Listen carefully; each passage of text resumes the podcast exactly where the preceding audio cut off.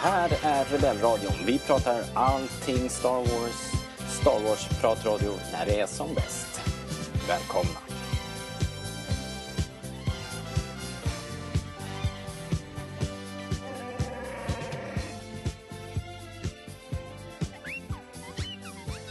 Du lyssnar på Rebellradion.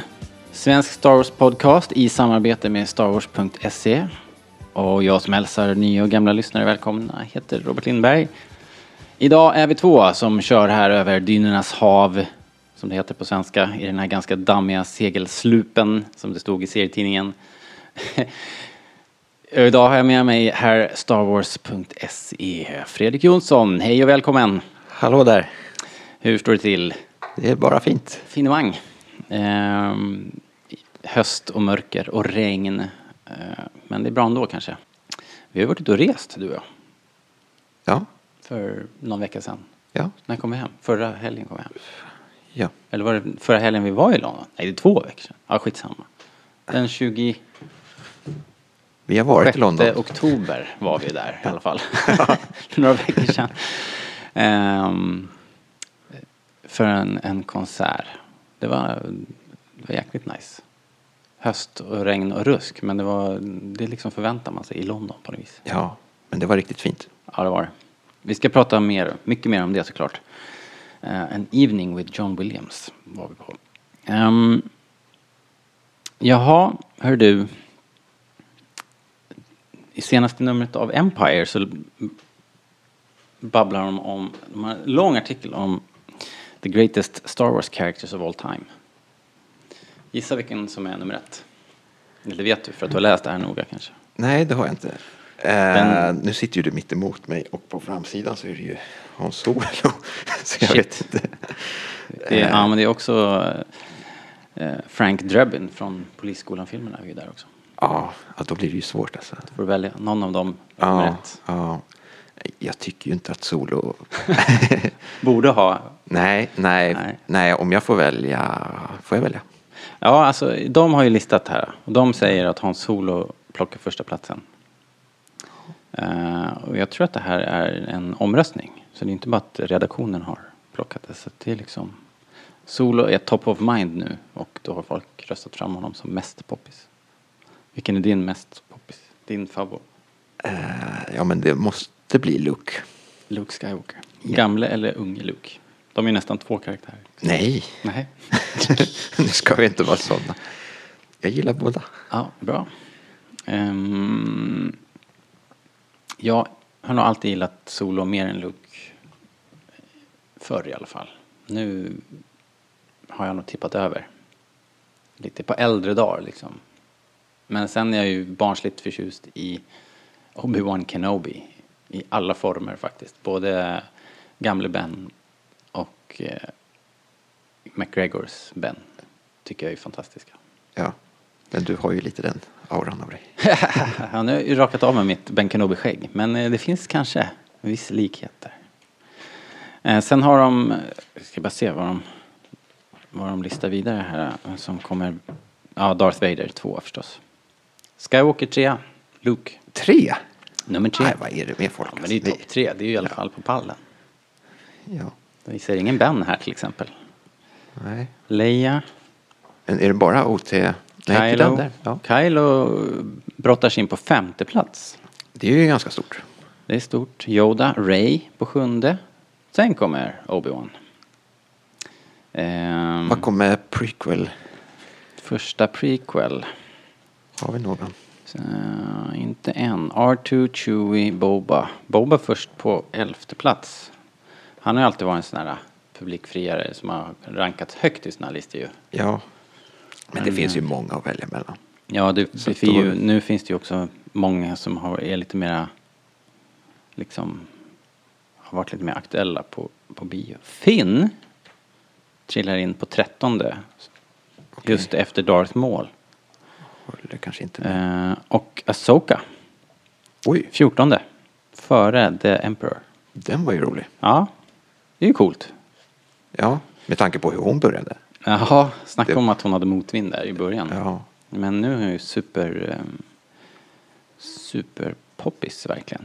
Jag tycker att det är självklart att de, de borde ju Det borde göras en film, helt enkelt. Det borde vara en En live action-film. Ja, tycker jag. Oj. Det borde vara nästa.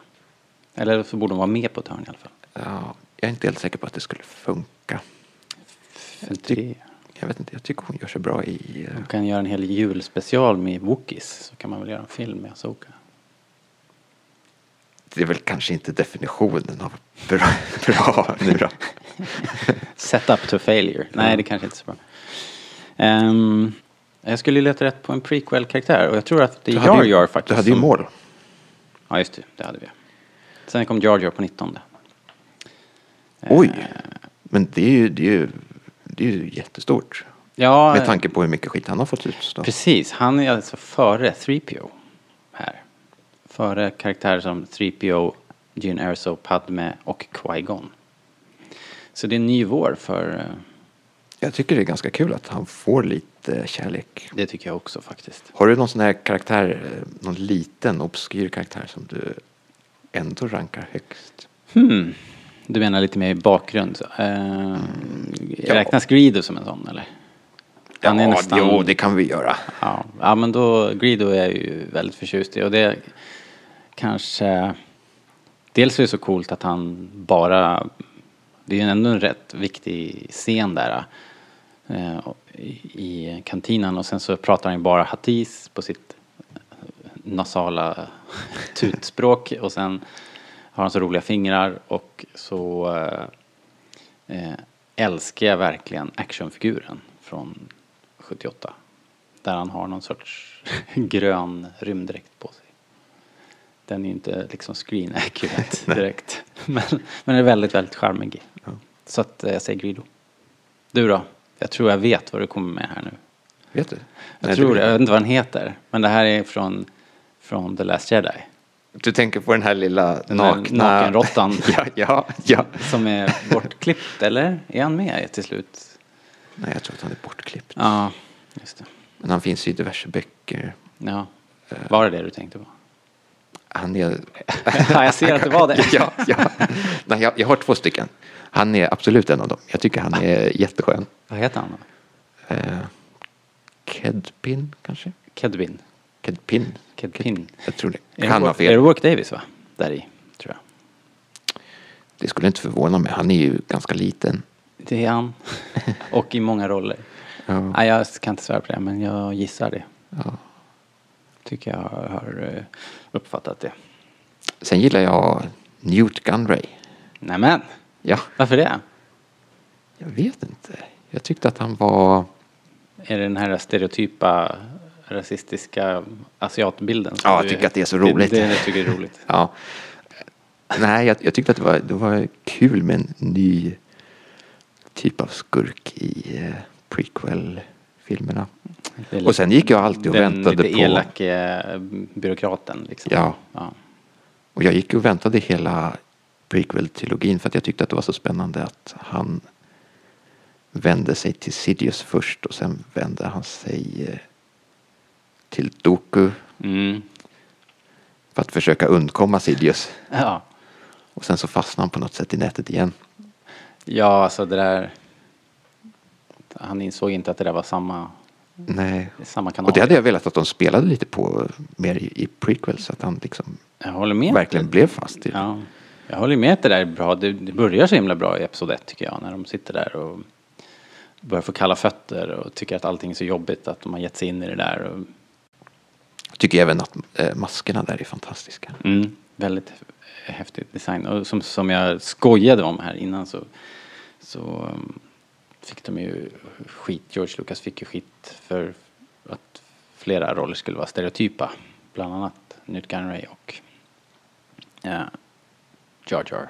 Att de på något sätt var gamla dammiga pastischer eller eh, stereotyper på jag tror, ja i Newt Gunrays fall så var det väl så här japaner och i Jars Binks var det väl mer någon sorts rastafari eh, sväng i hans snack Ja. som, som stack i folks ögon. Men Nej.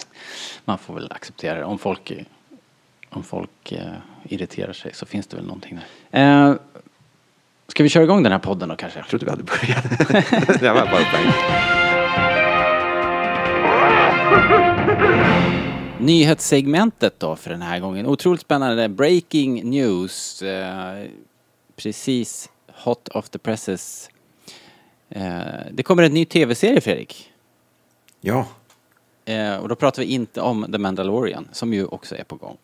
Utan eh, Bob Iger sa i något sammanhang, vet du vilket sammanhang han, han eh, kläckte ur sig här? Var det en sån här Disney shareholders meeting eller? Ja, jag skulle tro det. Ja, så säger han alltså att eh, det kommer en ny tv-serie med eh, Rogue One-fokus. Cassian Andor kommer att vara huvudpersonen. En spion-thriller-serie. Um, och den här produktionen kommer att påbörjas nästa år. Och den ska följa rebellspionen Cassian Andors äventyr i rebellupprorets formativa år. Innan händelserna i Rogue One. Eh, naturligtvis. Goes without saying Bob. Eh, eftersom Cassian, spoiler, inte överlever Rogue One. Ehm, Spoiler. Ja, Diego Luna återvänder i rollen. Det är ju coolt. Bara det. Eh, och sen, han säger då så här i ett citat att att återvända till Star Wars-universumet är väldigt speciellt för mig. Jag har så många minnen av det storartade arbete vi gjorde tillsammans med tillsammans och de relationer vi skapade genom vår resa. Jag antar i arbetet på Rogue One då. Eh, Vi har fantastiskt äventyr framför oss och de här nya spännande formatet kommer att ge oss chansen att utforska den här karaktären djupare. Säger Diego Luna alltså. Och eh, han har ju rätt i allt det där. Det är ju oerhört spännande faktiskt. Ja. Hade- Hade du förväntat dig en sån här serie? Nej, det här kommer ju verkligen out of the blue. Inte så mycket som ett litet knyst har vi hört ryktas om det här. Så det var ju eh, sjukt häftigt. Eh, om vi ska börja bena då. Vi, vi får inget datum. Vi får ett inspelningsdatum. Eller ja, nej, någon gång nästa år står det bara. Ehm, Jag hörde att eh, Diego Luna är just nu uppbunden i den här tv-serien Narcos. Jaha, okej. Så att de måste invänta att det blir färdigt då. I see.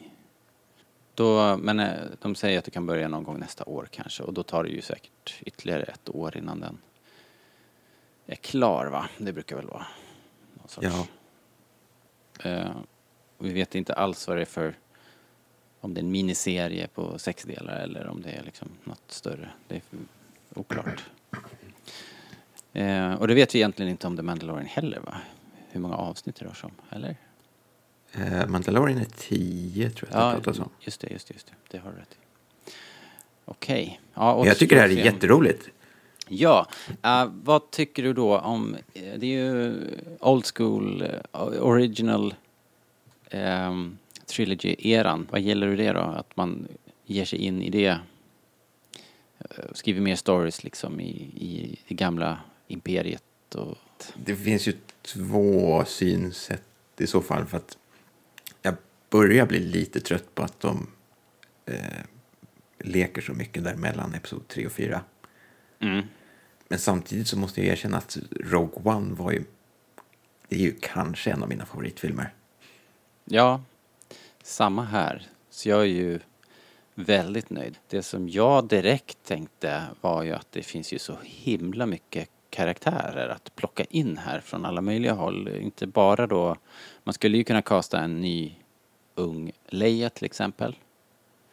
Hon är ju i allra högsta grad liksom insyltad i eh, rebell, eh, rebellrörelsens födelse och eh, Jimmy Smith kanske kommer tillbaks eh, som eh, eh, eh, Organa till exempel. Det är väl inte omöjligt, han gör ju massor med TV. Eh, Sen har vi ju möjligheter att plocka in karaktärer från TV-serien Rebels. Göra otecknade varianter av Hera och, och eh, alla som är runt henne då. Um, åtminstone tidigt då, så det kanske inte blir hela Ghost Crew, men det skulle kunna bli Hera och Kanan och det skulle kunna bli Chopper och det skulle också kunna bli Asoka som under den här perioden ju jobbar som en spion för den tidigare rebellrörelsen. Eh. Var det Så- inte jag som precis sa att jag inte ville ha? Just det, där fick du liksom. Ja. Jag tänker annars att eh, det här kanske är en möjlighet att eh, på något lite mer kostnadseffektivt sätt eh, arbeta fram lite av en fortsättning även på solo.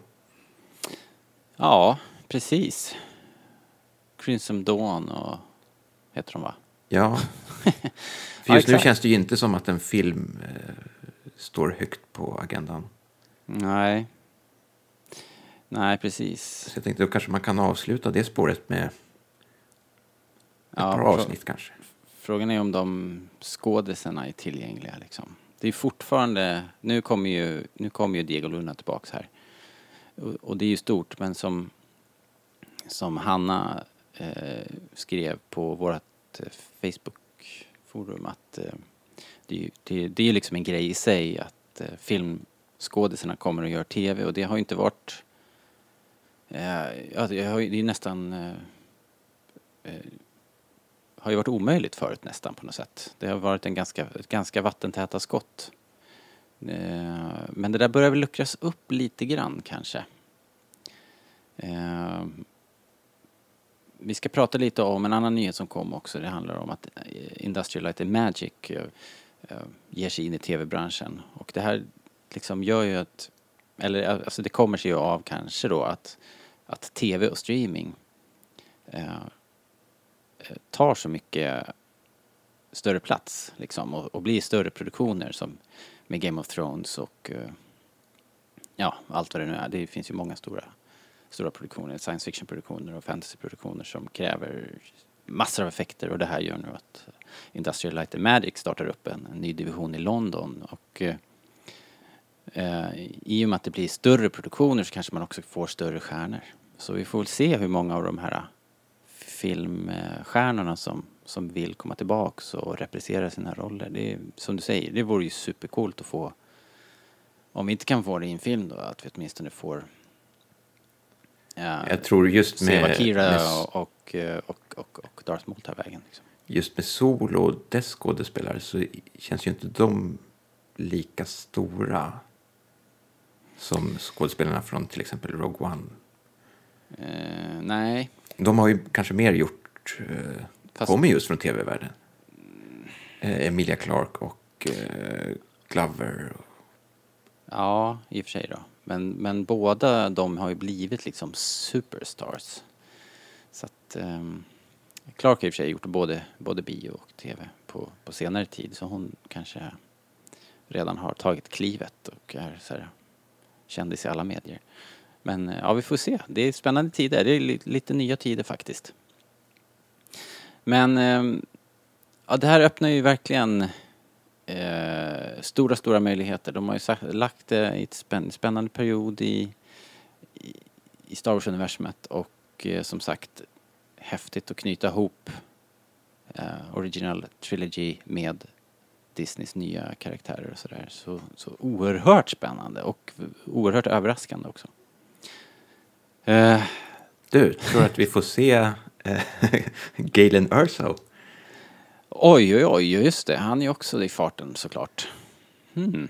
Ja, alltså det, det, det är väl inte omöjligt. De, det beror på hur långt tillbaks i tiden de går här. Om det här ska vara liksom upptakten till filmen och så. Då finns det väl alla möjligheter att uh, Castian är insyltad i spionoperationer som, som kommer nära uh, uh, Galen Men det är kanske är lite tveksamt ändå. De, det, om de visste... Jo, men just det. De visste ju var han var och så. Men de hade ju ingen möjlighet att kontakta honom. Det var ju det som var hela plotten i Arwan. Att de vill, behövde ju Jyn för att komma, Ja, komma nära, va? Var det inte så?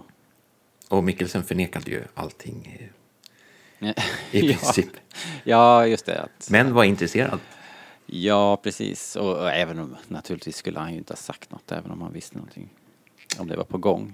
Nej, men Även om vi han blev pratar väl alltid sanning med oss. bästisar. Ja, precis. Han är vår polare nu. Naturligtvis, naturligtvis. Nej, han har inte mejlat. Han har inte följt upp. Jaha, ehm, men det här är coolt.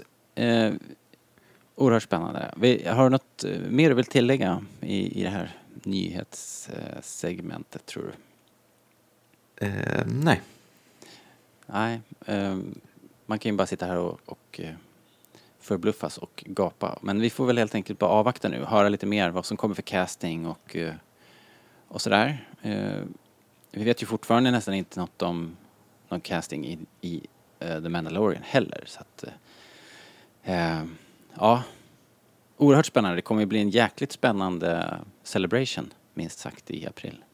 Som om den inte redan var lovande redan. Liksom. Ja, verkligen.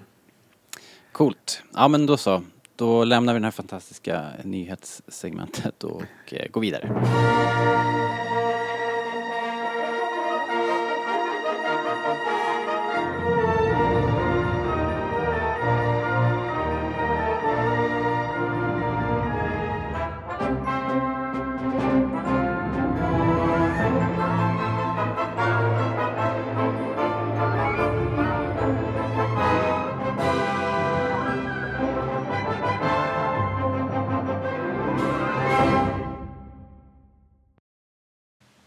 Ja, vi babblade ju om det i inledningen här, tror jag. Eller förlorade vi det i någon omtagning? I alla fall har ju du och jag varit i London och eh, tittat på en konsert. Vi åkte den eh, 26 oktober. Ja. Eh, till London för att eh, gå på An Evening with John Williams in Concert på Royal Albert Hall. Ja, som Men de fick. vad hände på onsdagen, Fredrik?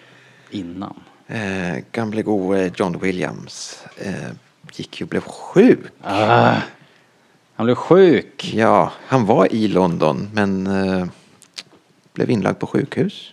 Ja. Vi vet inte riktigt vad det var, men han var väl lite influensa kanske? Antagligen. Ja. Man kan ju drabbas rätt hårt i den åldern. Ja, kom vi 80 fram till hur gammal han var? 82? 86. 86? Ja. Oh my god. Ja. Ja.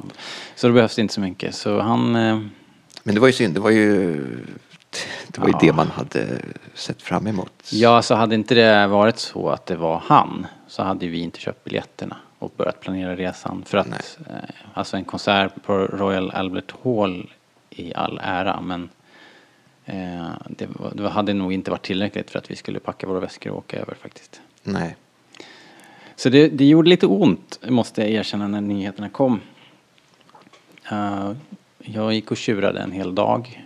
Som ett litet åskmoln hade jag över huvudet. Tyckte det var jobbigt. Ja. Dels för att man vart snuvad på festen. Och samtidigt hade man lite skuldkänslor för att man var lite egoistisk. ja, ja, stackaren som ligger på sjukhuset.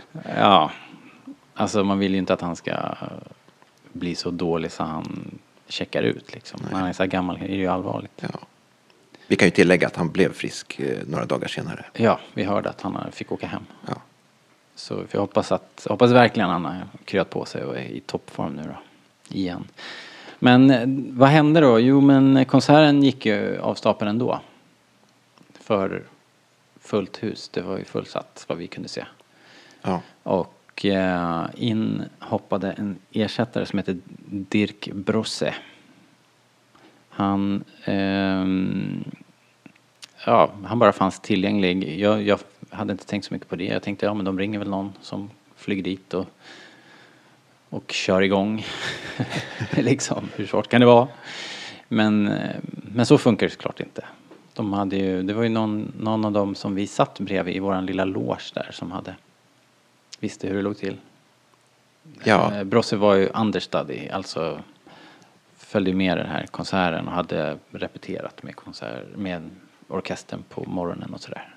Jo, precis. Han hade ju eh, repeterat eh, flera dagar i förväg. Och så var tanken att, att Williams skulle komma in de sista dagarna och eh, finslipa liksom inför konserten. Ja, så att oavsett den här sjukdomen så hade ju han varit inblandad och kunde materialet och allting. Ja, han fanns i han kulisserna. hade väl också gjort så här, vad, var, vad sa han, 300-400 konserter med, med eh, Star Wars. In concert. Ja, Så han kunde ju verkligen materialet. ja. Och det måste man ju säga eh, nu i efterhand när man har hört konserten. Hade man inte sett att det stod en annan människa där. Det, det var... Nej, det var perfekt. Liksom, det Ja. fanns ingenting att klaga på i framförandet alls. Eh, utan det var ju bara just, och, och det, det häftiga blev ju då att eh, det sändes live på eh, Classic FM. Så att det, och då mm, när de introducerade den här Brosse och, och eh, vissa nyckelpersoner i orkestern och så, så, så berättade de också att John låg på sjukhuset och lyssnade live. Så då blev det ju till en, dels vart det ju en hyllning till John och sen så vart det ju världens jubel. Liksom alla tjoade och vi hälsade till John på, på sjukhussängen. Ja, Så väldigt känslosamt och, och fint. Ja, verkligen. Så det vart jäkligt bra ändå måste jag säga. Ja, Eh, det kändes eh, lite eh, tråkigt ända tills den introduktionen. Då tände det, tyckte jag, liksom på alla cylindrar ja, faktiskt. Och sen eh, som hon sa där, hon som var, jag tror hon var liksom ansvarig för Royal Albert Hall. Hon introducerade och sa att eh, orkestern kommer att, they will play their hearts out. Och det gjorde de fasen också. För det var fantastiskt, vilken kvalitet. vi ska väl säga också att det är London Symphony Orchestra Ja, som då spelade i eh, på inspelningarna till Episod 1 till 6. ja precis. Och även har spelat i alla möjliga sammanhang. Eh, Film. eh, Ja, Score. alltså nästan allt som eh, nästan allt som Lucas och eh, Spielberg har gjort va? I Ja. alla fall. Ja, och det Och är inte säkert- så illa. Och Harry Potter också. Just det. Precis, och säkert, och alla Bond säkert och allting. Liksom det är, Ja. ja. inte vet jag, de har väl gjort hur mycket som helst. Ja, och vad spelade de då? Jag tänkte vi skulle kolla här vad vi fick lyssna. Först drog de igång utan att passera gå liksom. Vi hade knappt sätta oss ner så bara dundrade det igång Star Wars-temat. Och det hade de inte eh, avslöjat innan. Nej, utanför programmet Ja. drog de igång. Det var ju supercoolt. Bra start liksom. Ja, bättre kan det inte bli. Sen gick de in eh, utan, tror jag, något försnack eh, in på Close Encounters of the Third Kind. Eh, utdrag från, så att det här är någon form av konsertpiece. Och eh, jag är inte så påläst där, jag är inlyssnad så att jag menar det enda man kände igen där var ju de här fyra, fem noterna Ja, från som är- rymdskeppet, Som är liksom. Ja, signaturmusiken ja. liksom för den där eh, Det var ändå intressant att höra hela scoret. Men, Ja, men det var ingenting jag kände igen. Nej, det, det, det, de- som, det som kändes var att det stack ut lite. Att det kändes som någon som försökte göra futuristisk musik. Sådär, det var lite eh, så här, eh, ungefär som när man hör mo, modernt, moderna konserter skrivna för symfonier så kan det vara eh, allt annat än melodiöst och så här staccato-stråkar och bara konstiga ljud liksom. Ja. Så det var lite sådana moment. Sånt som man aldrig annars har Nej. hört John Williams egentligen var göra. Men eh, för han är ju alldeles, han, annars, han är en väldigt symfonisk och melodiös Ja. och nästan trallvänlig i vissa. Men det här var, en- mom, vissa moment i den här var, var åt det hållet. Så det, var, det stack ut lite. Sen var det tre stycken eh, stycken från Harry Potter. Det var Hedwigs Theme såklart, som är precis den melodin som ni tänker på när ni tänker på Harry Potter. Det ju, blev ju signaturen för hela den där filmserien. Och sen så var det Fawkes The Phoenix och Harrys Wondrous World som liksom är Harrys theme då. då. Superbra musik också, väldigt charmigt. Ja, det var eh, mysig musik tyckte jag. Ja, den är ju väldigt härlig och ja men Harrys Wondrous World, det, det hörs i titeln att det är, det är ju väldigt eh, eh, alltså det är ju en väldigt lättsam musik fylld med så här, ja, wonder. Ja, alltså, vad blir det då? upprymdhet. Ja, Ja. upprymdhet och upptäcka glädje liksom på Ja. något vis. Han är ju, dyker ju in i en helt ny värld och det känns musiken som också. Väldigt, eh, väldigt bra. Eh, sen kom det en joker, näst sista låten före paus var End the Titles from Dracula. Eh, och eh, ja, det är bara, de körde ju de här eh, styckena i ett i ett så att det, det hann nog gå ganska långt innan jag började fundera på vad är det vi, vad är det vi hör nu egentligen sådär. Jag hade inte programmet i knät just då så jag tror jag gissade att det var någonting från eh, Schindler's list eller någonting. Som Ja. jag inte heller har lyssnat Ja. på så värst mycket så att det skulle kunna varit något. Jag hade nog läst att Dracula skulle dyka upp men jag hade ingen aning om att han hade skrivit någonting till någon Dracula-film. Nej, och i så fall visste jag inte vilken Dracula-film det var. Nej, det fick vi ju slå upp sen då. Och det var från 70-talet. Eller 80. Vänta nu. 80 är väl den med Frank Lagella. 80-tal måste det nästan vara. Något av hans första var det i alla fall. Score. Williams tidiga karriär. Då Liksom. borde vi nästan vara tillbaka till 70. Eller? Jag, eh, jag lägger papperna åt sidan och eh, gör en sån här eh, ninja-googling här. Hjälp hur mycket film han har gjort. Här. 79. 79, efter Star Wars. Eh, just det. Precis. Jaha. Hmm. Eh, vad, eh, vad tyckte du att man tog in den i ett program? Som det här? Eh, ja men alltså det är väl kul att bli överraskad. Eh, tycker jag. Särskilt minnesvärt kan jag inte säga att det var för jag kan inte dra mig till minnes nu Nej. vad det lät som. Men, men eh, det var ju, det var typiskt John Williams och det var ju ett end, det var ju, vad heter det, end score eller eh, end titles. Så att det var, det var väl ganska smäktande toner, det var inte något eh, eh, liksom som byggde upp någon till någon crescendo eller så utan det var ganska, ganska stillsamt stycke va? Ja. Vi kanske får sätta upp en spellista här och dela sen, ja. så ni får höra. Jag tänker, John Williams har skrivit så otroligt mycket. Alltså, så att det finns ju många som jag gärna hade velat se plockas in. Före den här. Ja, Ja. Jag antar att det här är hans personliga favoriter liksom. Som ja. och då kan man inte säga emot. nej, verkligen inte. Ehm, de avslutade i alla fall den första halvan med eh, Adventures on Earth från E.T. The Extraterrestrial. ter- ter- Det där ordet som inte går att säga. Extraterrestrial. Ehm, hur är din relation till E.T.? Och jag älskar IT.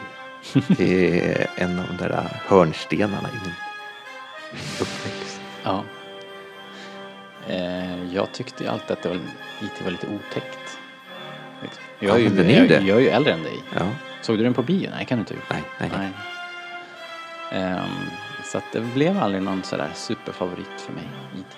Nej, men jag såg den inte heller på bio. Den blev en favorit för mig. Det, det är ingen undanflykt. Nej, nej, det kanske är dags att Men jag tycker kolla eh, igen. temat är ju fantastiskt. Mm.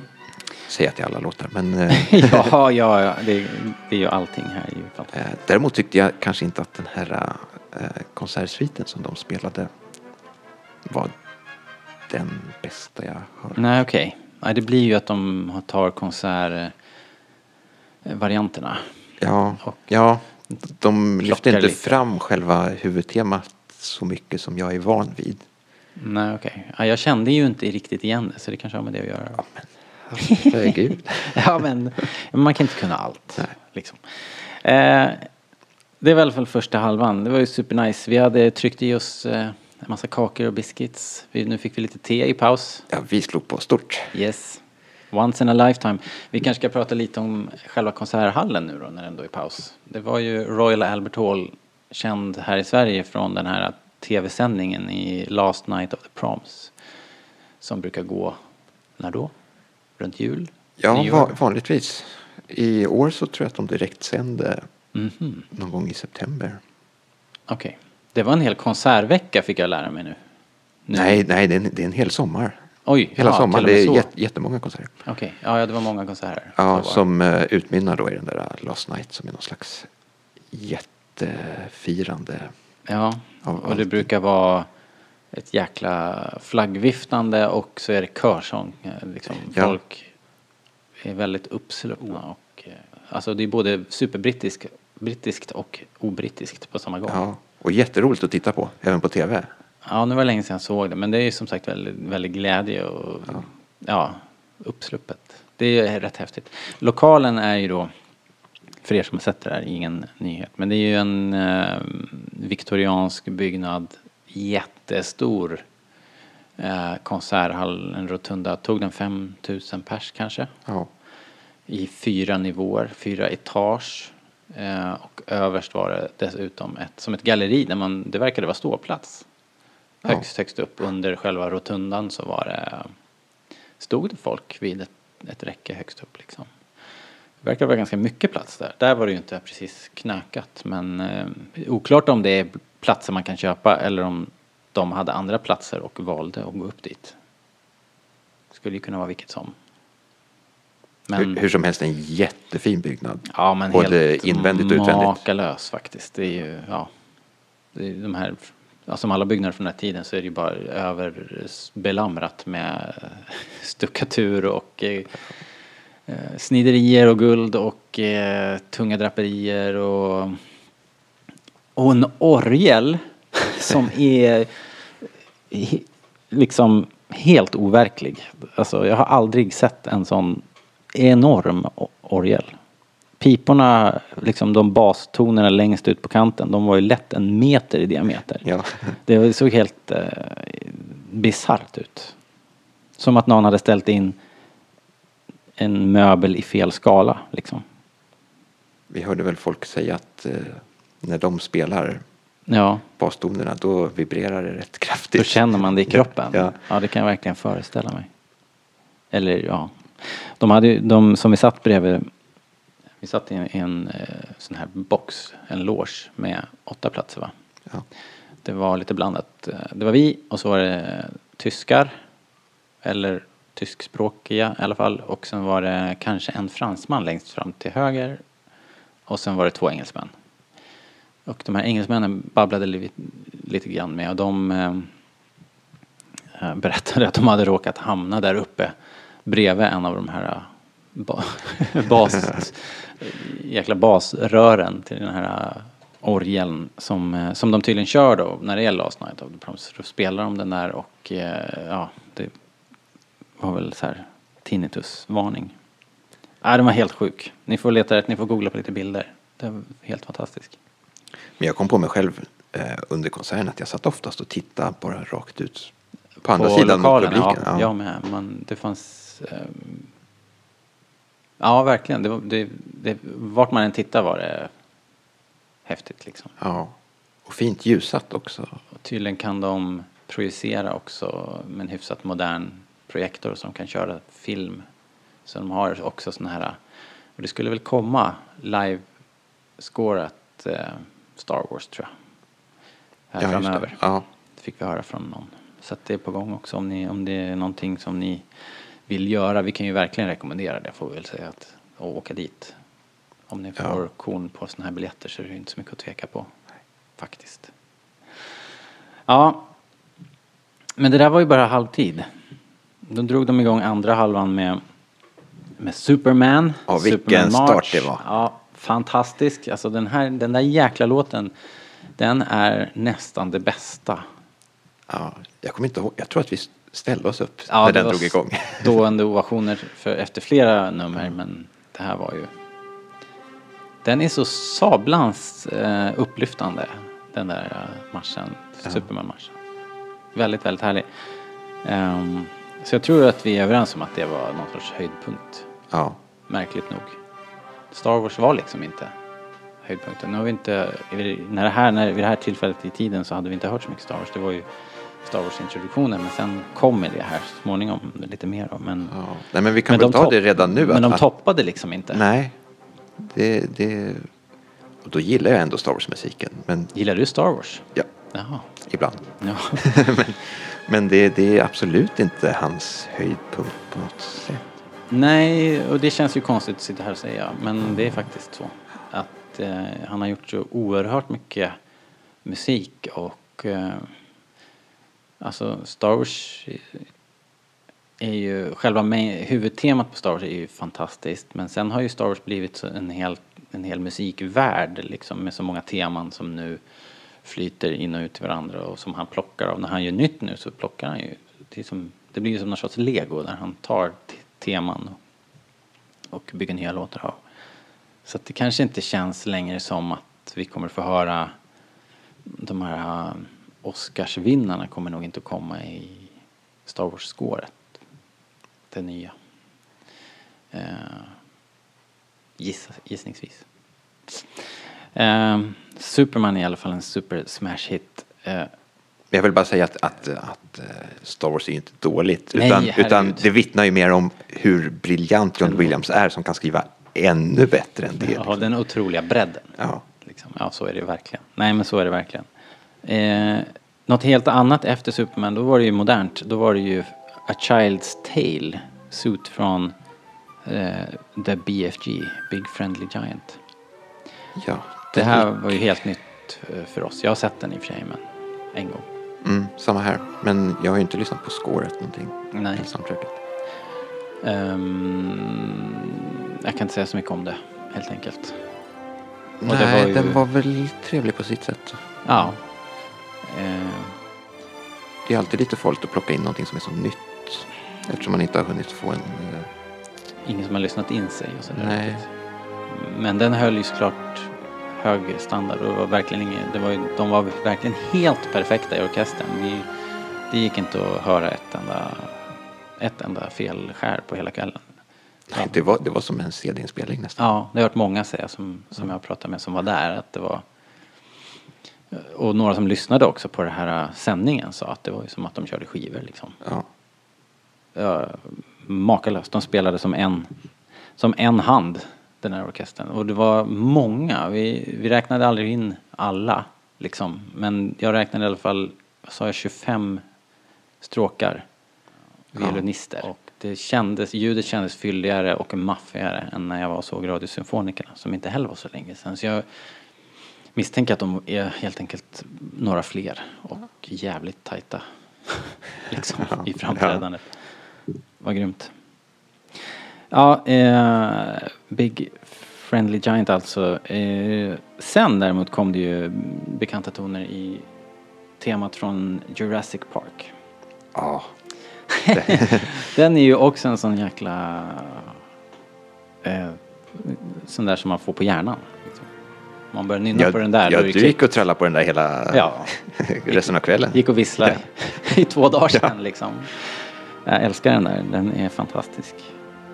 Ehm, och Jurassic, den första Jurassic Park-filmen tillhör ju en av mina absoluta favoritfilmer också. Ja, jättebra. Den är någonting särskilt. Sen kom det lite allvarligare toner i temat från Schindler's list. Och där var det också... Det var ett långt solo med en violin, viol, violin, vad heter det? violinist. Det var första violgubben som körde. Ja. Jag tror att det är den officiella titeln. Ja. Första, första violgubben. Ja, vad Eh, vackert. Det var fruktansvärt fint var det. Ja, det skär i hjärtat. Ja, alltså jag har inte sett Schindler's list på, liksom, tror jag sen det begav sig, liksom på bio. Och ändå, det är en så stark film så man, man kommer ändå ihåg ganska mycket scener och när man hör den här musiken till och man vet vad det är som händer så är det... Man, man behöver knappt ha sett filmen. Nej, alltså, jag för tror att inte det, det talar för sig själv. eh, Det, det är um, det är som en... tragiskt och sorgligt. Det skär verkligen i, i själen när man hör det där. Ja, Det låter ju liksom kanske fjantigt när vi sitter här och säger men det, det var verkligen så. Jag var oerhört eh, berörd efter den där. Det händer verkligen inte varje gång när jag lyssnar på musik så det är någonting ja. eh, med det där. Fantastiskt framträdande. Eh, ja. Stående ovationer efter den framträdandet. ja. Och de lyfter ju också fram väldigt mycket John Williams bredd. Mm. Just i samband med den. Eftersom han kan skriva liksom så ja, upplyftande låtar. Så här, Jurassic Park och Harry Potter. Och så, Ja. Som har en mycket mera ja men, lekande och liksom så här ungdomlig och nästan barnslig framtoning då. Ja, Och sen kommer det här som en, ja, total motsats. ja, som, som ja, fruktansvärt gripande i alla fall. Ehm, sen då kommer det som liksom skulle vara finalen här och då är det Star Wars såklart. Ja, Och då körde de det är klart att det var finalen. Ja, då körde de tre, tre valda stycken ur eh, eh, tre olika filmer. Nej, två olika filmer. Det är ju, först var det Imperial March. Um, någonting, det står här, så här står det. The Imperial March followed by European Premiere. Ja, Vad kan det betyda? jo, det lyckades jag av en slump läsa på. Mm. Eh, det handlar inte om att eh, Han Solo and the Princess skulle vara europeisk premiär va? Mm. Eh, det är inte så att låten i sig är ny. Den kommer ju från The Empire Strikes Back. Mm. Eh, men John Williams har skrivit ett nytt arrangemang. Aha, okej, jag förstår. Så att det var det. Jag tänkte om det var någonting som hade spelats i samband med filmens premiär. Men så var det inte. Liksom i Europa. Men nej, okej, jag förstår. Ehm, Och det tyckte jag mig märka lite också när jag lyssnade. Den lät inte riktigt så som jag var van vid. nej, och här kanske man är inne på något liksom. Att man inte tycker att det smäller så högt som, som man har tänkt sig. Då. Kan det vara så att man, det, är, det är något, den hade någon ny twist? Ja, inte vet jag. Ja. Jag ska Men säga den, att är- den, den är ju bra liksom, men det är inte en så här... Det är ju den här marschen liksom. Den, den tog inte första platsen. Nej, Eh, superikonisk som den är. Eh, och sen sa ju du, den följde upp då med Hans Solo and the Princess. Och den är ju mera ett kärlekstema liksom. ja. Såklart. Eh, ja. Och sen smäller det till med The Throne Room and Finale. Det är ju John Williams ärvarv över Star Wars i princip. Den är, Ja, precis ja. Den innehåller så mycket godbitar där och är Ja. extremt pampigt och eh, bra. den finns ju, om man inte har hört, eh, det här är ju den förlängda versionen. Eh, inte den som är i Episod 4 utan om man har soundtracket till Episod 3 Mm. så finns den med på i, På CD-skivan pratar vi nu. ja, den finns i, i det eh, spåret som heter End Titles. Den finns tyvärr inte med i filmen. Mm, nej, Utan den har de klippt eh, ner lite. Men den är hur bra som helst. Jättemäktig. Eh, innehåller jättemånga klassiska... ja, den är ju så här, Teman. äh, ska du bara lyssna på ett, ett, ett stycke från Star Wars så är det den här. Ja, Helt enkelt. Den är det bästa av. Det. Eh, och det var ju liksom, står ju sist i programmet, tänkt som eh, finalen. Men det blev ju då naturligtvis extra nummer. Det var ett eh, minuter långt jubel och applåder efter det här. Och eh, ja men precis i, enligt kutym så gick eh, dirigenten ut och kom in igen, inapplåderad förstås. Och så körde de inte ett utan inte två utan tre extra nummer det Smällde de till med. inte klokt. Det är ju faktiskt, eh, det är ju som en halv, halv konsert till här en Ytterligare en halv halvlek nästan. Ja, vi fick säkert en 20-25 minuter till. Ja, vad grymt. tackar man inte nej till. Eh, och då börjar de med Jaws, temat. Ja. det var ju supercoolt också. Det, det har jag aldrig hört eh, live. Så det var kul. Ehm, jäkligt. Också superbra score. Det Ja. ju, man tänker ju, man har ju bara det här eh, haj-dundrandet liksom. Dum, dum, Ja. dum, dum. Men, men hela stycket är bra. ja. Och det, det var också ett bevis på hur otroligt tajt den här orkestern Mm. var. Och kunna slå alla toner Ja, med sån precision. helt sjukt. Som kirurgiskt. Sen körde de lite mer Star Wars, det var Yodas team. Ja, Ehm, den är fin den. ja, den är fin. Den är ja, lugn och finstämd. Och, ja. på en träskplanet. ja, jag tycker den är lite, lite magisk. Den lugna visa mästaren. Ja, exakt det. Precis åt det hållet. Eh, det går inte att sluta på en sån låt. Nej, Man måste ju ha någonting riktigt, en riktig marsch att gå ut till. ja, och Så då, då- smäller man till med Raiders March. ja, Indiana Jones. Eh, ja, det är ju mm, snack om ett eh, hyfsat S att dra fram. Liksom. det måste ju vara kanske är det mest kända av allt det här. Jag vet inte. Det är ju alltså själva... Jag tror fler plockar den här än Stålmannen till exempel. Star Wars Ja. kanske main team också. Men sen måste ju det vara den här hajen. Ja, ni hör ju själva. Allt det här är ju galet. Så jäkla mainstream. Alla, alla har hört det här. På hela jordklotet. Otroligt. jag, jag har en tendens att blanda ihop lite Stålmannen, eh, Star Wars och Indie. Stål, Stålmannen Star Wars i alla fall hade jag, vet jag som, som barn lite så här, var tvungen att sätta mig ner och lyssna en stund. Ja, ja de lever lite i samma, samma värld på något sätt. Ja, faktiskt. De har, har lite samma anslag kanske. Men eh, ja, det var det. Det var ju, inte vet jag, två och en halv timme kanske. Tog Ja. det ungefär. Det var en, en hel kväll, 2.45 kanske. fantastisk musik i fantastisk miljö. Det var jäkligt coolt. Man kan inte klaga på det där. Nej, eh, som vi sa, eller som jag sa där, att jag var, jag var lite nedslagen ända tills konserten började och då bara Ja, var totalt lycklig där. när det gäller symfonisk musik så slår det där allting som jag har varit på i alla fall. Absolut. Det här är nummer ett faktiskt. Jag har aldrig hört något liknande. Makalöst. Så får ni chansen så är det ingenting att tveka på. Det är, de är i en, spelar i en helt egen liga faktiskt. Men vad tänkte jag på, finns det någonting som du saknade som du hade? Mm, alltså, nej, vad skulle det vara? Jag vet faktiskt inte vad det skulle kunna vara. Nu får du dra till med dina Mm. Williams. Nej, men eh, de, de var ju, i och med de här extra numren så var de ju inne och nosade på, på allting. Eh, nej, jag kan, jag kan inte komma på något som jag saknar. Nej. Liksom. Eh, Nej, saknar är ju fel ord. Mm. Alltså det, det var ju jättebra.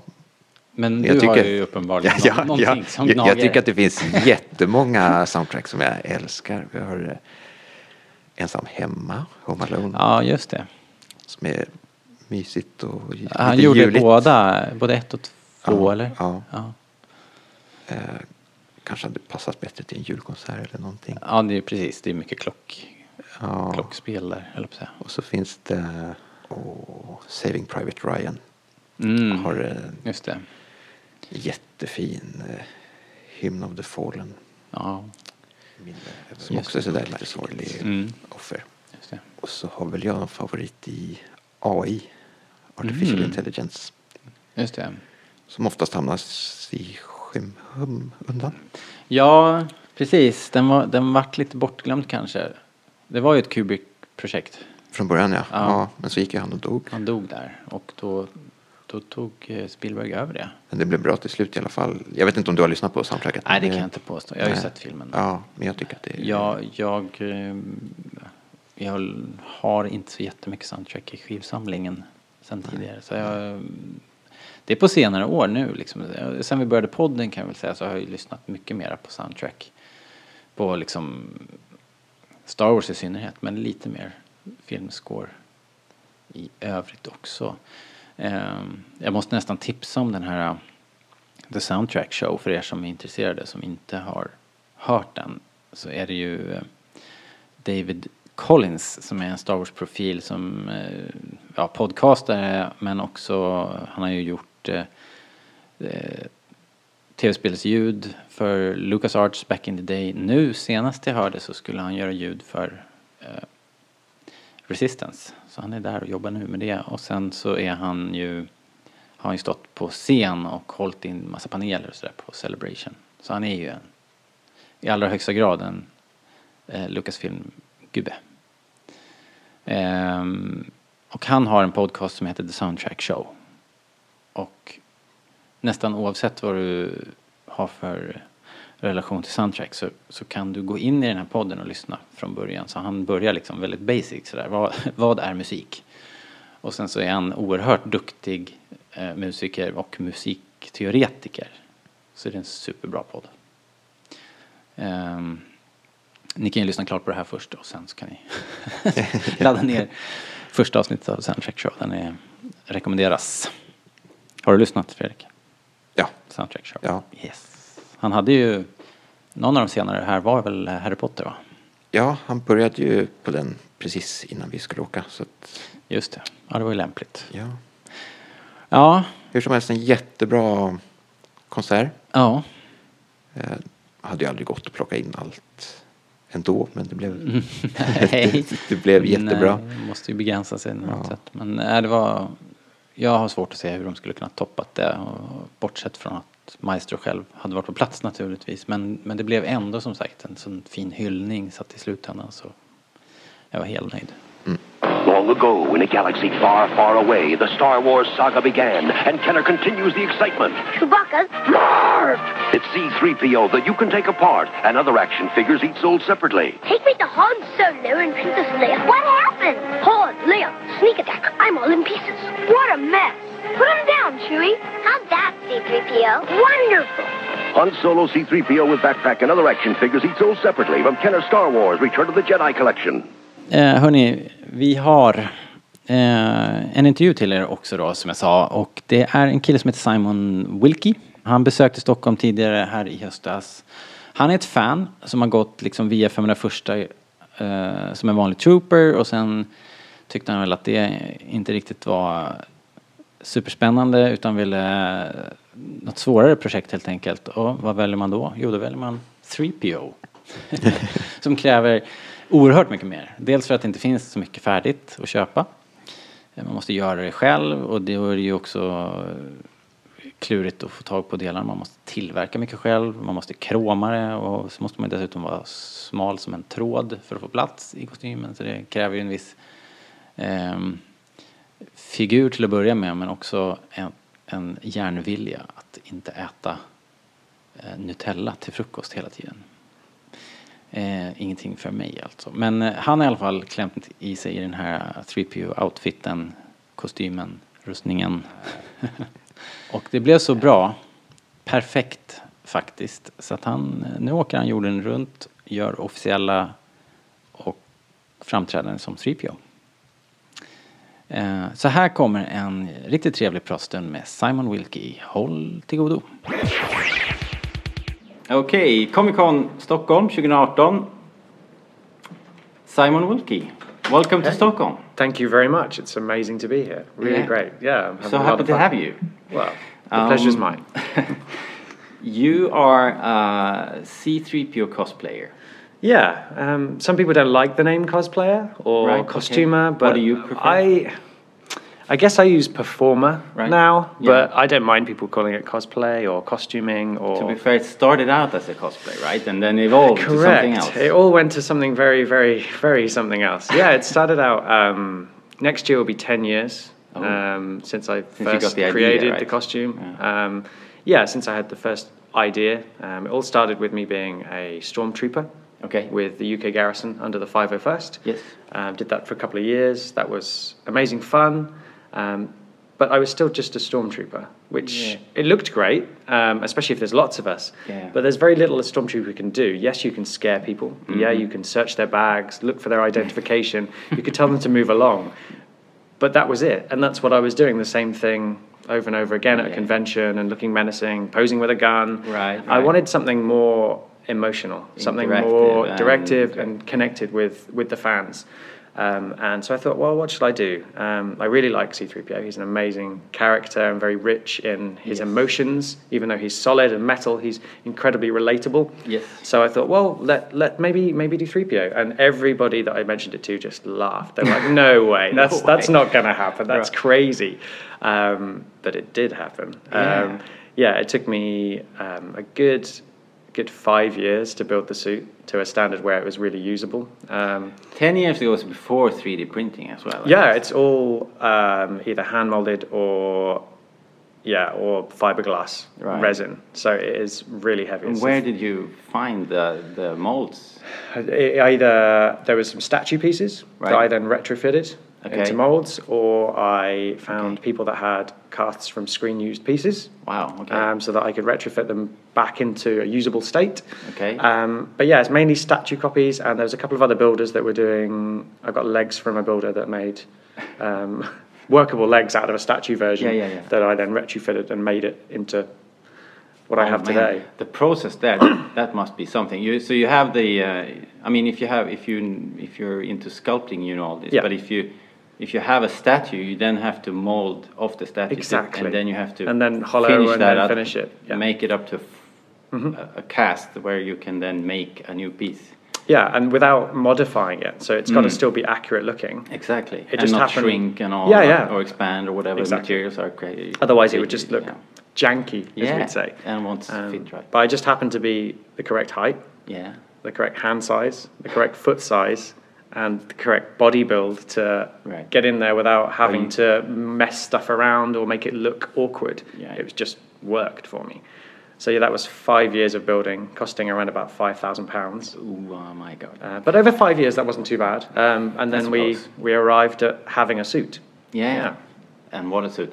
And uh, how many like iterations of this suit are you Um, have you gone through now? Are there any, any It's still pieces the original suit. Yeah. Okay. It's still the original suit, which is crazy. But um, each of the pieces has a special velvet bag, hand sewn, Yeah. to, to for it to go in to Sure. keep it as nice as it can. For traveling in. Yeah, uh, but there's there's still spares because of maintenance and wear. Um, I have two main torsos, two main heads I use, um, two different sets of hands depending on what I need, rubber or depending on the movement I need. Same with the feet. I've got more pairs of shoes for C3PO than I have anything else. So many, so many shoes. A whole closet full of C3PO shoes. Yeah. right. Uh, oh, I got that. Uh, uh, Albert Einstein closet. You know, he, he always used the same suit. Mm-hmm. Yeah. So it's, that's Well, it's one it- less thing to worry about, isn't it? Yeah. Exactly. Yeah. You go up in the morning. What to wear? Oh, I know. I, I wear had Steve Jobs was the same. Yeah. Okay. Yeah. Yeah, it's turtleneck, jeans, shirt, done. But yeah, today's or most days are just gold. yeah. Something to be said for that. Mm-hmm.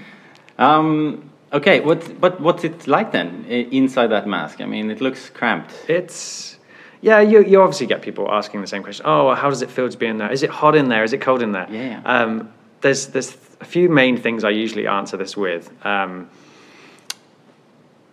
if it's if it's hot, I'm hot.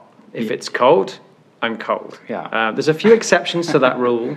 If I'm in the middle of a desert filming, which Mm. I have been several times, then I'm cold while everybody else is hot. It's like wearing a mirror because it's shiny, it's Mm. yeah, reflecting yeah, that that uh, the sunlight and the heat off. And If there's a of a thermos. breeze, I'm actually freezing Okay. because I've got none of the heat, the warmth from the sun, and then I have the blow through from the wind in the, through the suit Hmm. to chill me out. So I've been in the middle of Tunisian desert shivering, That's strange. which is crazy.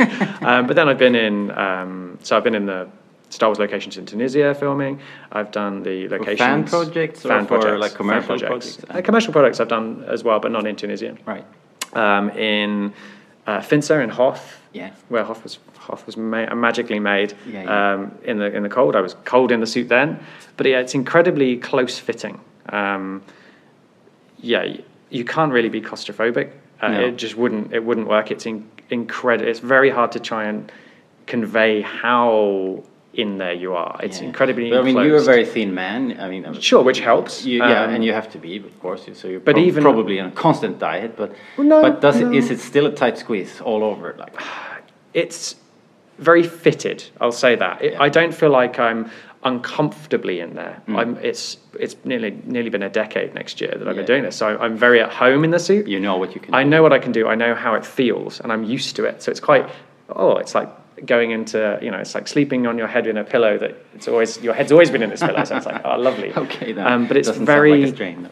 No, it's not a strain. I'm very used to it. Hmm. Um, I've never had like a panic attack or anything like that. It's all very. I heard, uh, didn't um, um, Anthony Daniels had a panic attack on the set of Return of the Jedi. He said yeah, that, yeah, uh, yeah, Salacious Crumb when he's pulling out his eye. Right. He uh, Anthony was uh, in the suit um, torso upwards, Yeah. but on um, sort of pillows laid on his back Right. in this suit. So already your diaphragm's uh, more more pressed, so it's yeah. more difficult to breathe. And then obviously the puppetry was all over his face and his head, and then they were moving with the eye. And I think it was just you're already enclosed, and then everything around you is enclosed, and you're doing take after you take. feel pressure And he, and yeah, he had a he had a, a moment of um, feeling very dizzy, and yeah, had to get out of the suit. Which was not a fast, uh, a quick thing. I no, remember. not back then. It is now. But Okay. yeah. Is it yours? Is like uh, like Mine's on, like, no, mine's like the original. So mine's Screwed. very slow and screwed. And Oh. yeah, whereas the the 3D printed suits now, Yeah. Auntie can get out in and out in around about six minutes. So Oh, okay. yeah, for me it's Doesn't look the same though, does it really? we won't mention that. But No, okay. no, you're, you're you're so right. Uh, yeah, I don't like the look of the new suit at all. It's not. It's It's, not, not- very it's really not really on the on the No. market. Um, so we've we've already sort of mentioned it, but you're you're uh, sometimes an employee of Lucasfilm, right? Or do at least That's that's what I do them. now. Yeah, I do. Um, I do. I work for Lucasfilm. Yay! um, yeah, via Disney as well. Yeah, um, yeah. But yeah, I, I I perform the character officially. Uh, That's for what the you do, company. uh, That's what I do.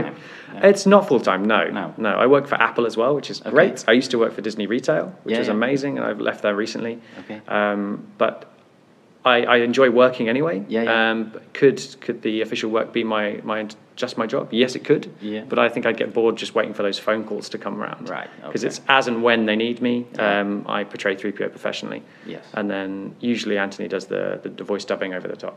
Okay. Yeah. Okay. Okay.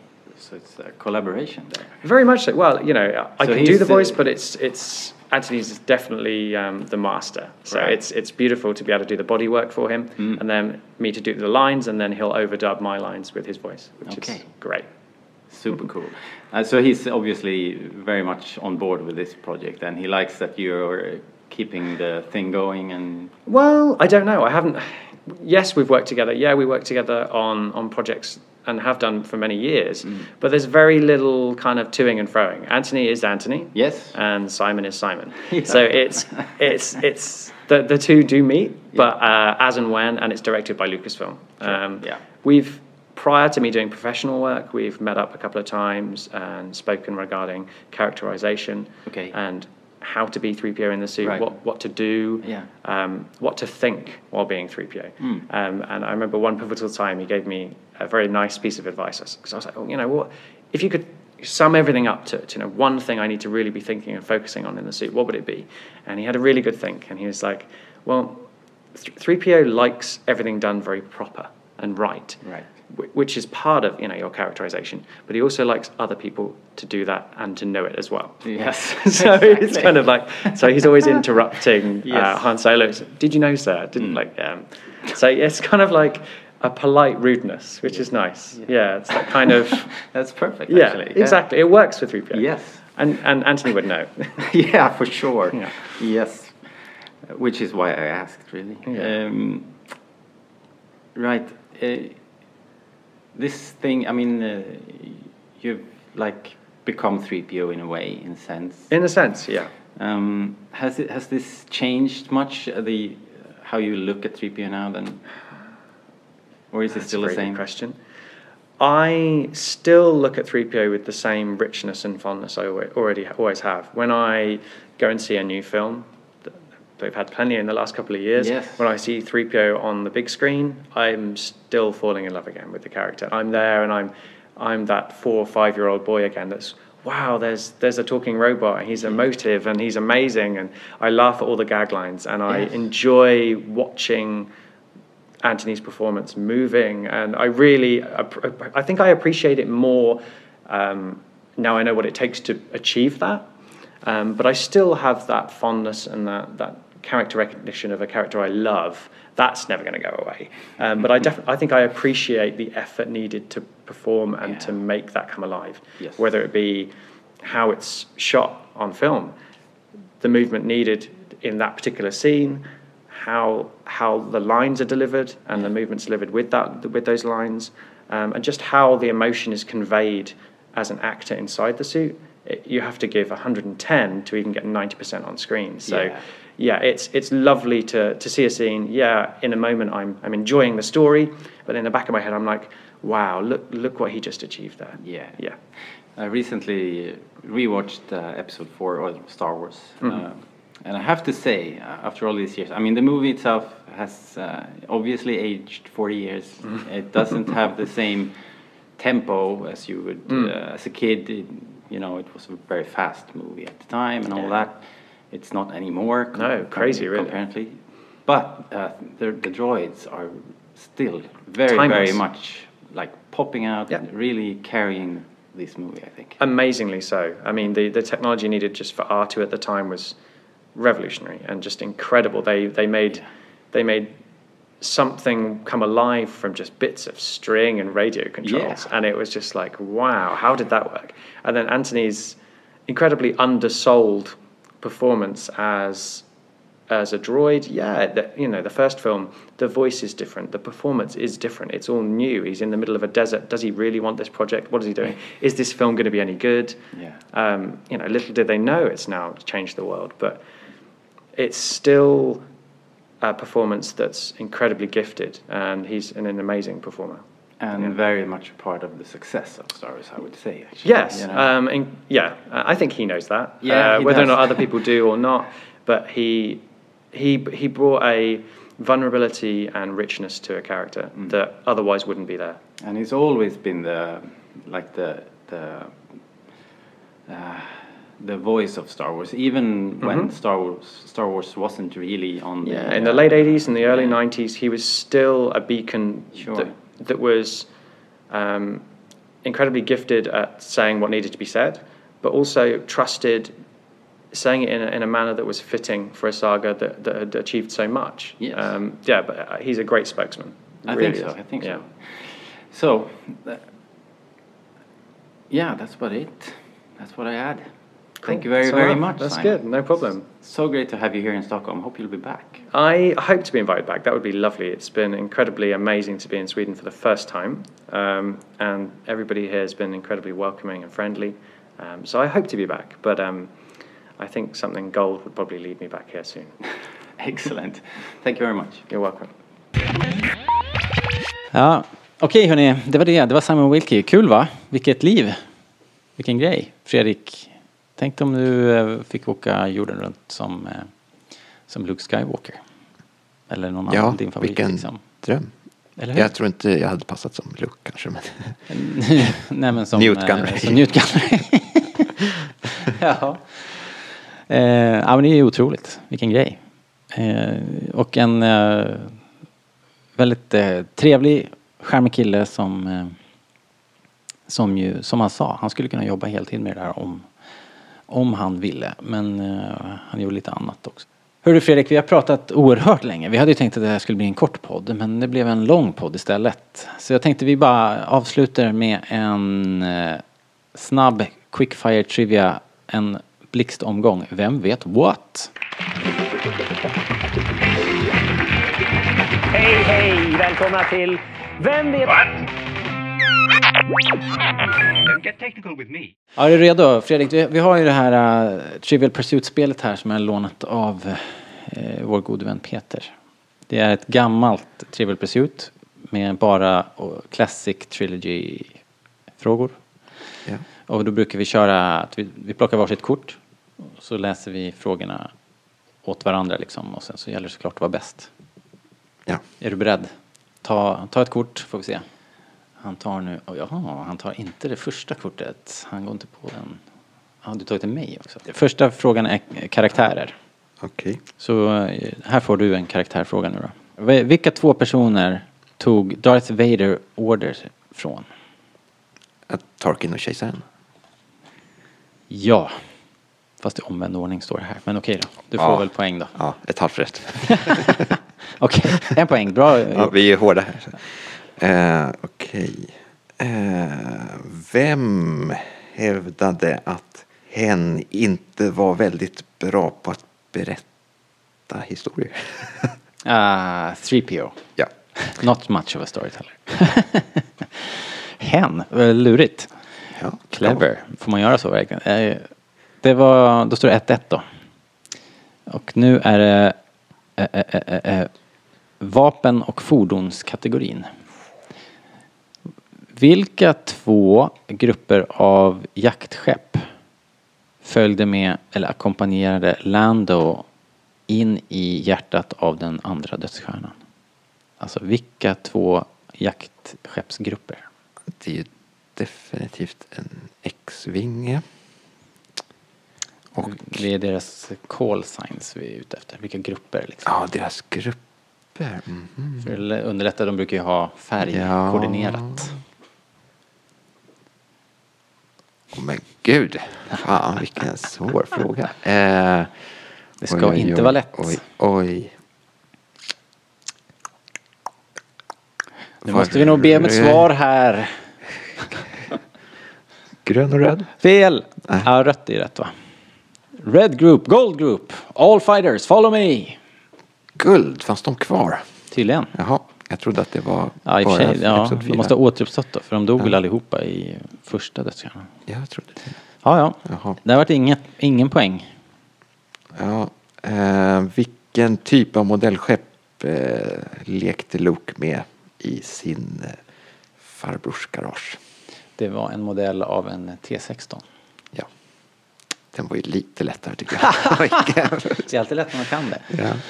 Jaha, jag rycker ifrån här. Ja. Eh, det är därför jag inte vara med i den här tävlingen, för det är så oerhört bra. Mm, nu är det historia, tror jag att det står för. Vem var det som kände av att eh, en Imperial Scout Trooper närmade sig på Endor? Wicked. Kände det? Ja, det var det. Ja. Ha, jag hade svarat R2. Jag har det. Stod inte han också där och scannade in att det kom varelser och grejer? Ah, ja. Det är rätt svar är Wicket. Poäng Ja, till dig. Jag förnekar allting. Eh, vad var de första fem orden i Leias hologrammeddelande? Oh. Hmm. Hmm. Hmm. Hmm. Hmm. General Kenobi. Years ago. You. Served my father. Tror jag att det börjar. Ja, visst är det så. Yes. Det är inte det som står på kortet. Nej, vad står det då? Det står Help me Obi-Wan Kenobi, men det kan Det inte stämma. slutar ju. Det är ju, Ja. som, det är ju slutet. Ja. Klämmen. Hmm. Shit. Nä.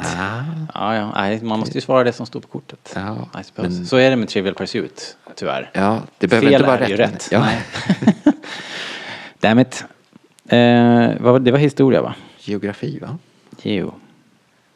Vad står det nu då? 2-2? Ja, alltså du, vi får kolla upp.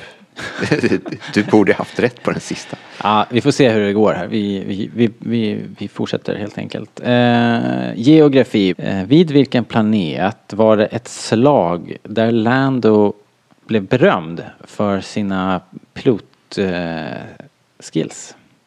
Vilken oh, knackig översättning. Vad- Vid vilken planet stod slaget där Lando blev hjälte helt enkelt? Tanab. Tanab. Så var det. Yes. Det var ju lätt. Det var ju för lätt. Eh, Jag kan säga att jag kollade upp. Du får ju rätt för den där som... Okej, vi underkände frågan helt enkelt. Ja, ja. Ja. Men då leder jag nu med 3-2. Ja, Nej, du tog ju den här då i och för sig, så just nu står det 3-3. ja Men men här kommer ju din ju- geografifråga. Yes. Enligt Luke, vilken var planeten som ligger längst bort från det lysande centret i universum? Tatooine. Ja, Ja, the ass end of space. ja det var ju... Det, var, det var lätt. Ja. Ja, du, du, har inte haft, du har inte haft frågorna med dig. Um, Okej, då ska vi se, vad står den här kategorin för? DCA? Uh, Droider, varelser Ja, just det. Droider- aliens. Droids, creatures and aliens. Just det. Okej, här, så här står det. Eh, eh, Vem kastade liken av Javas på ett brinnande bål? 3PO? Eller? Nej? Det är korrekt. Ja.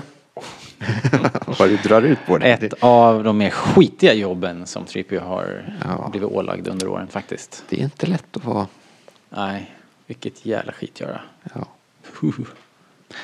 Ja, ja. Bra. ja, här kommer din fråga. Mhm. Ehm, oj, lite svåröversatt. Vilken, vad eh, led 3PO av precis innan sitt oljebad. Ah, dust contamination. Damm, damm, Ja, det var- dammförgiftning. Precis det som stod på kortet. Ja, det var fantastiskt. Yes. Bra, bra. Ja, eh, okej. Då är det så här då. Då måste du svar måste svara rätt nu. Du måste svara Och fel. sen måste jag svara fel. Ja. Så att nu är det matchboll på två dubbla matchbollar. Aj, aj, aj. Här kommer, det här är ju wildcard, det är ju blanda, lite blandade, det kan vara vad som helst här som kommer. Uh, ooh.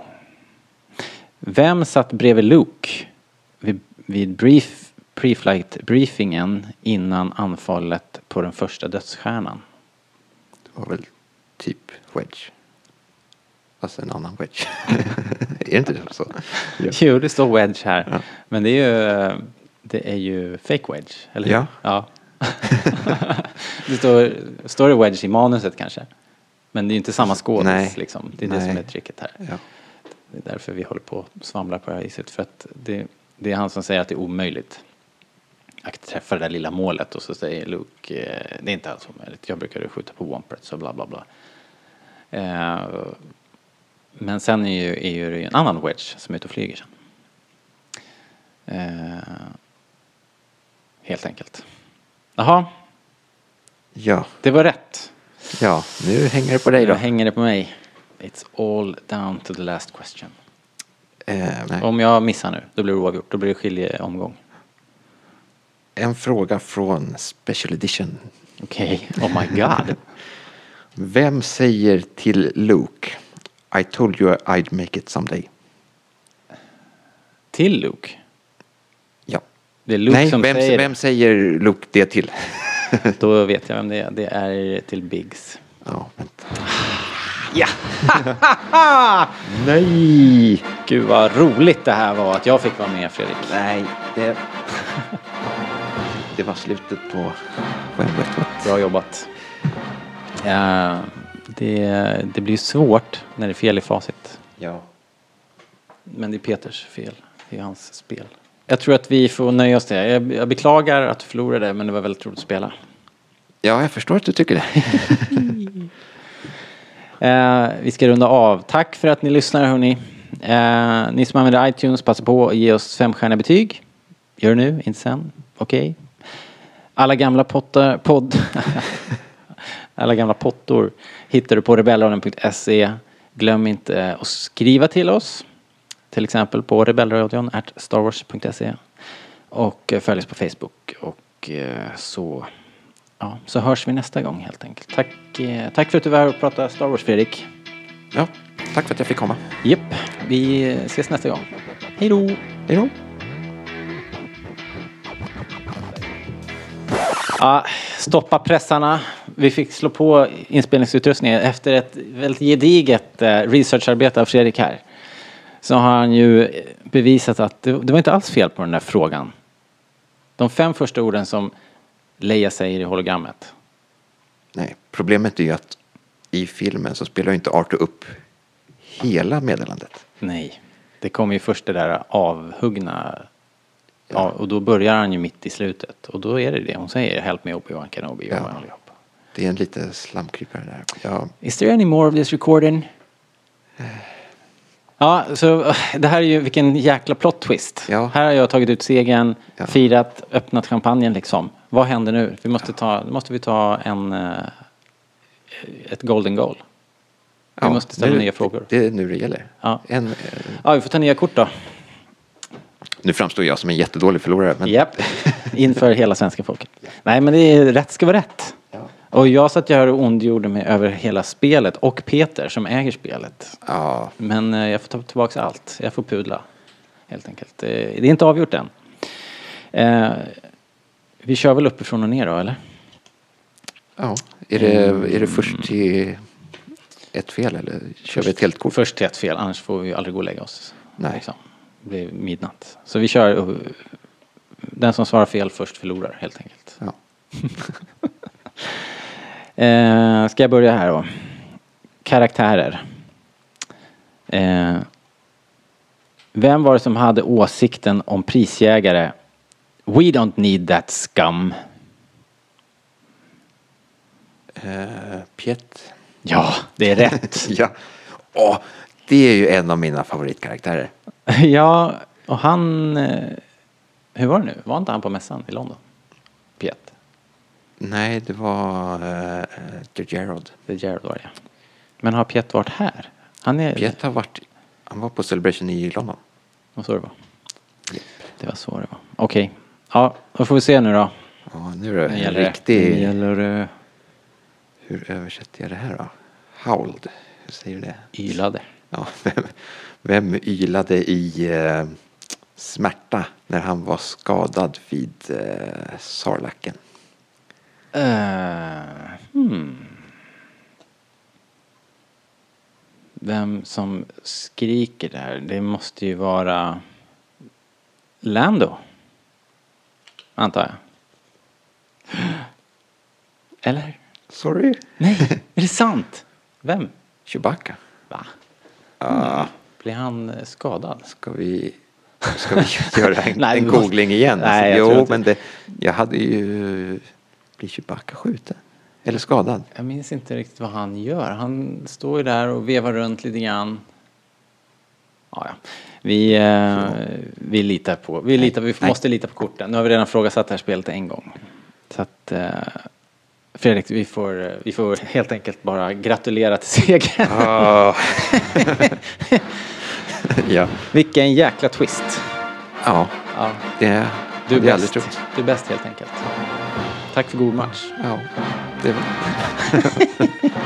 oj, oj, oj. Det är inte varje gång det händer faktiskt. Nej.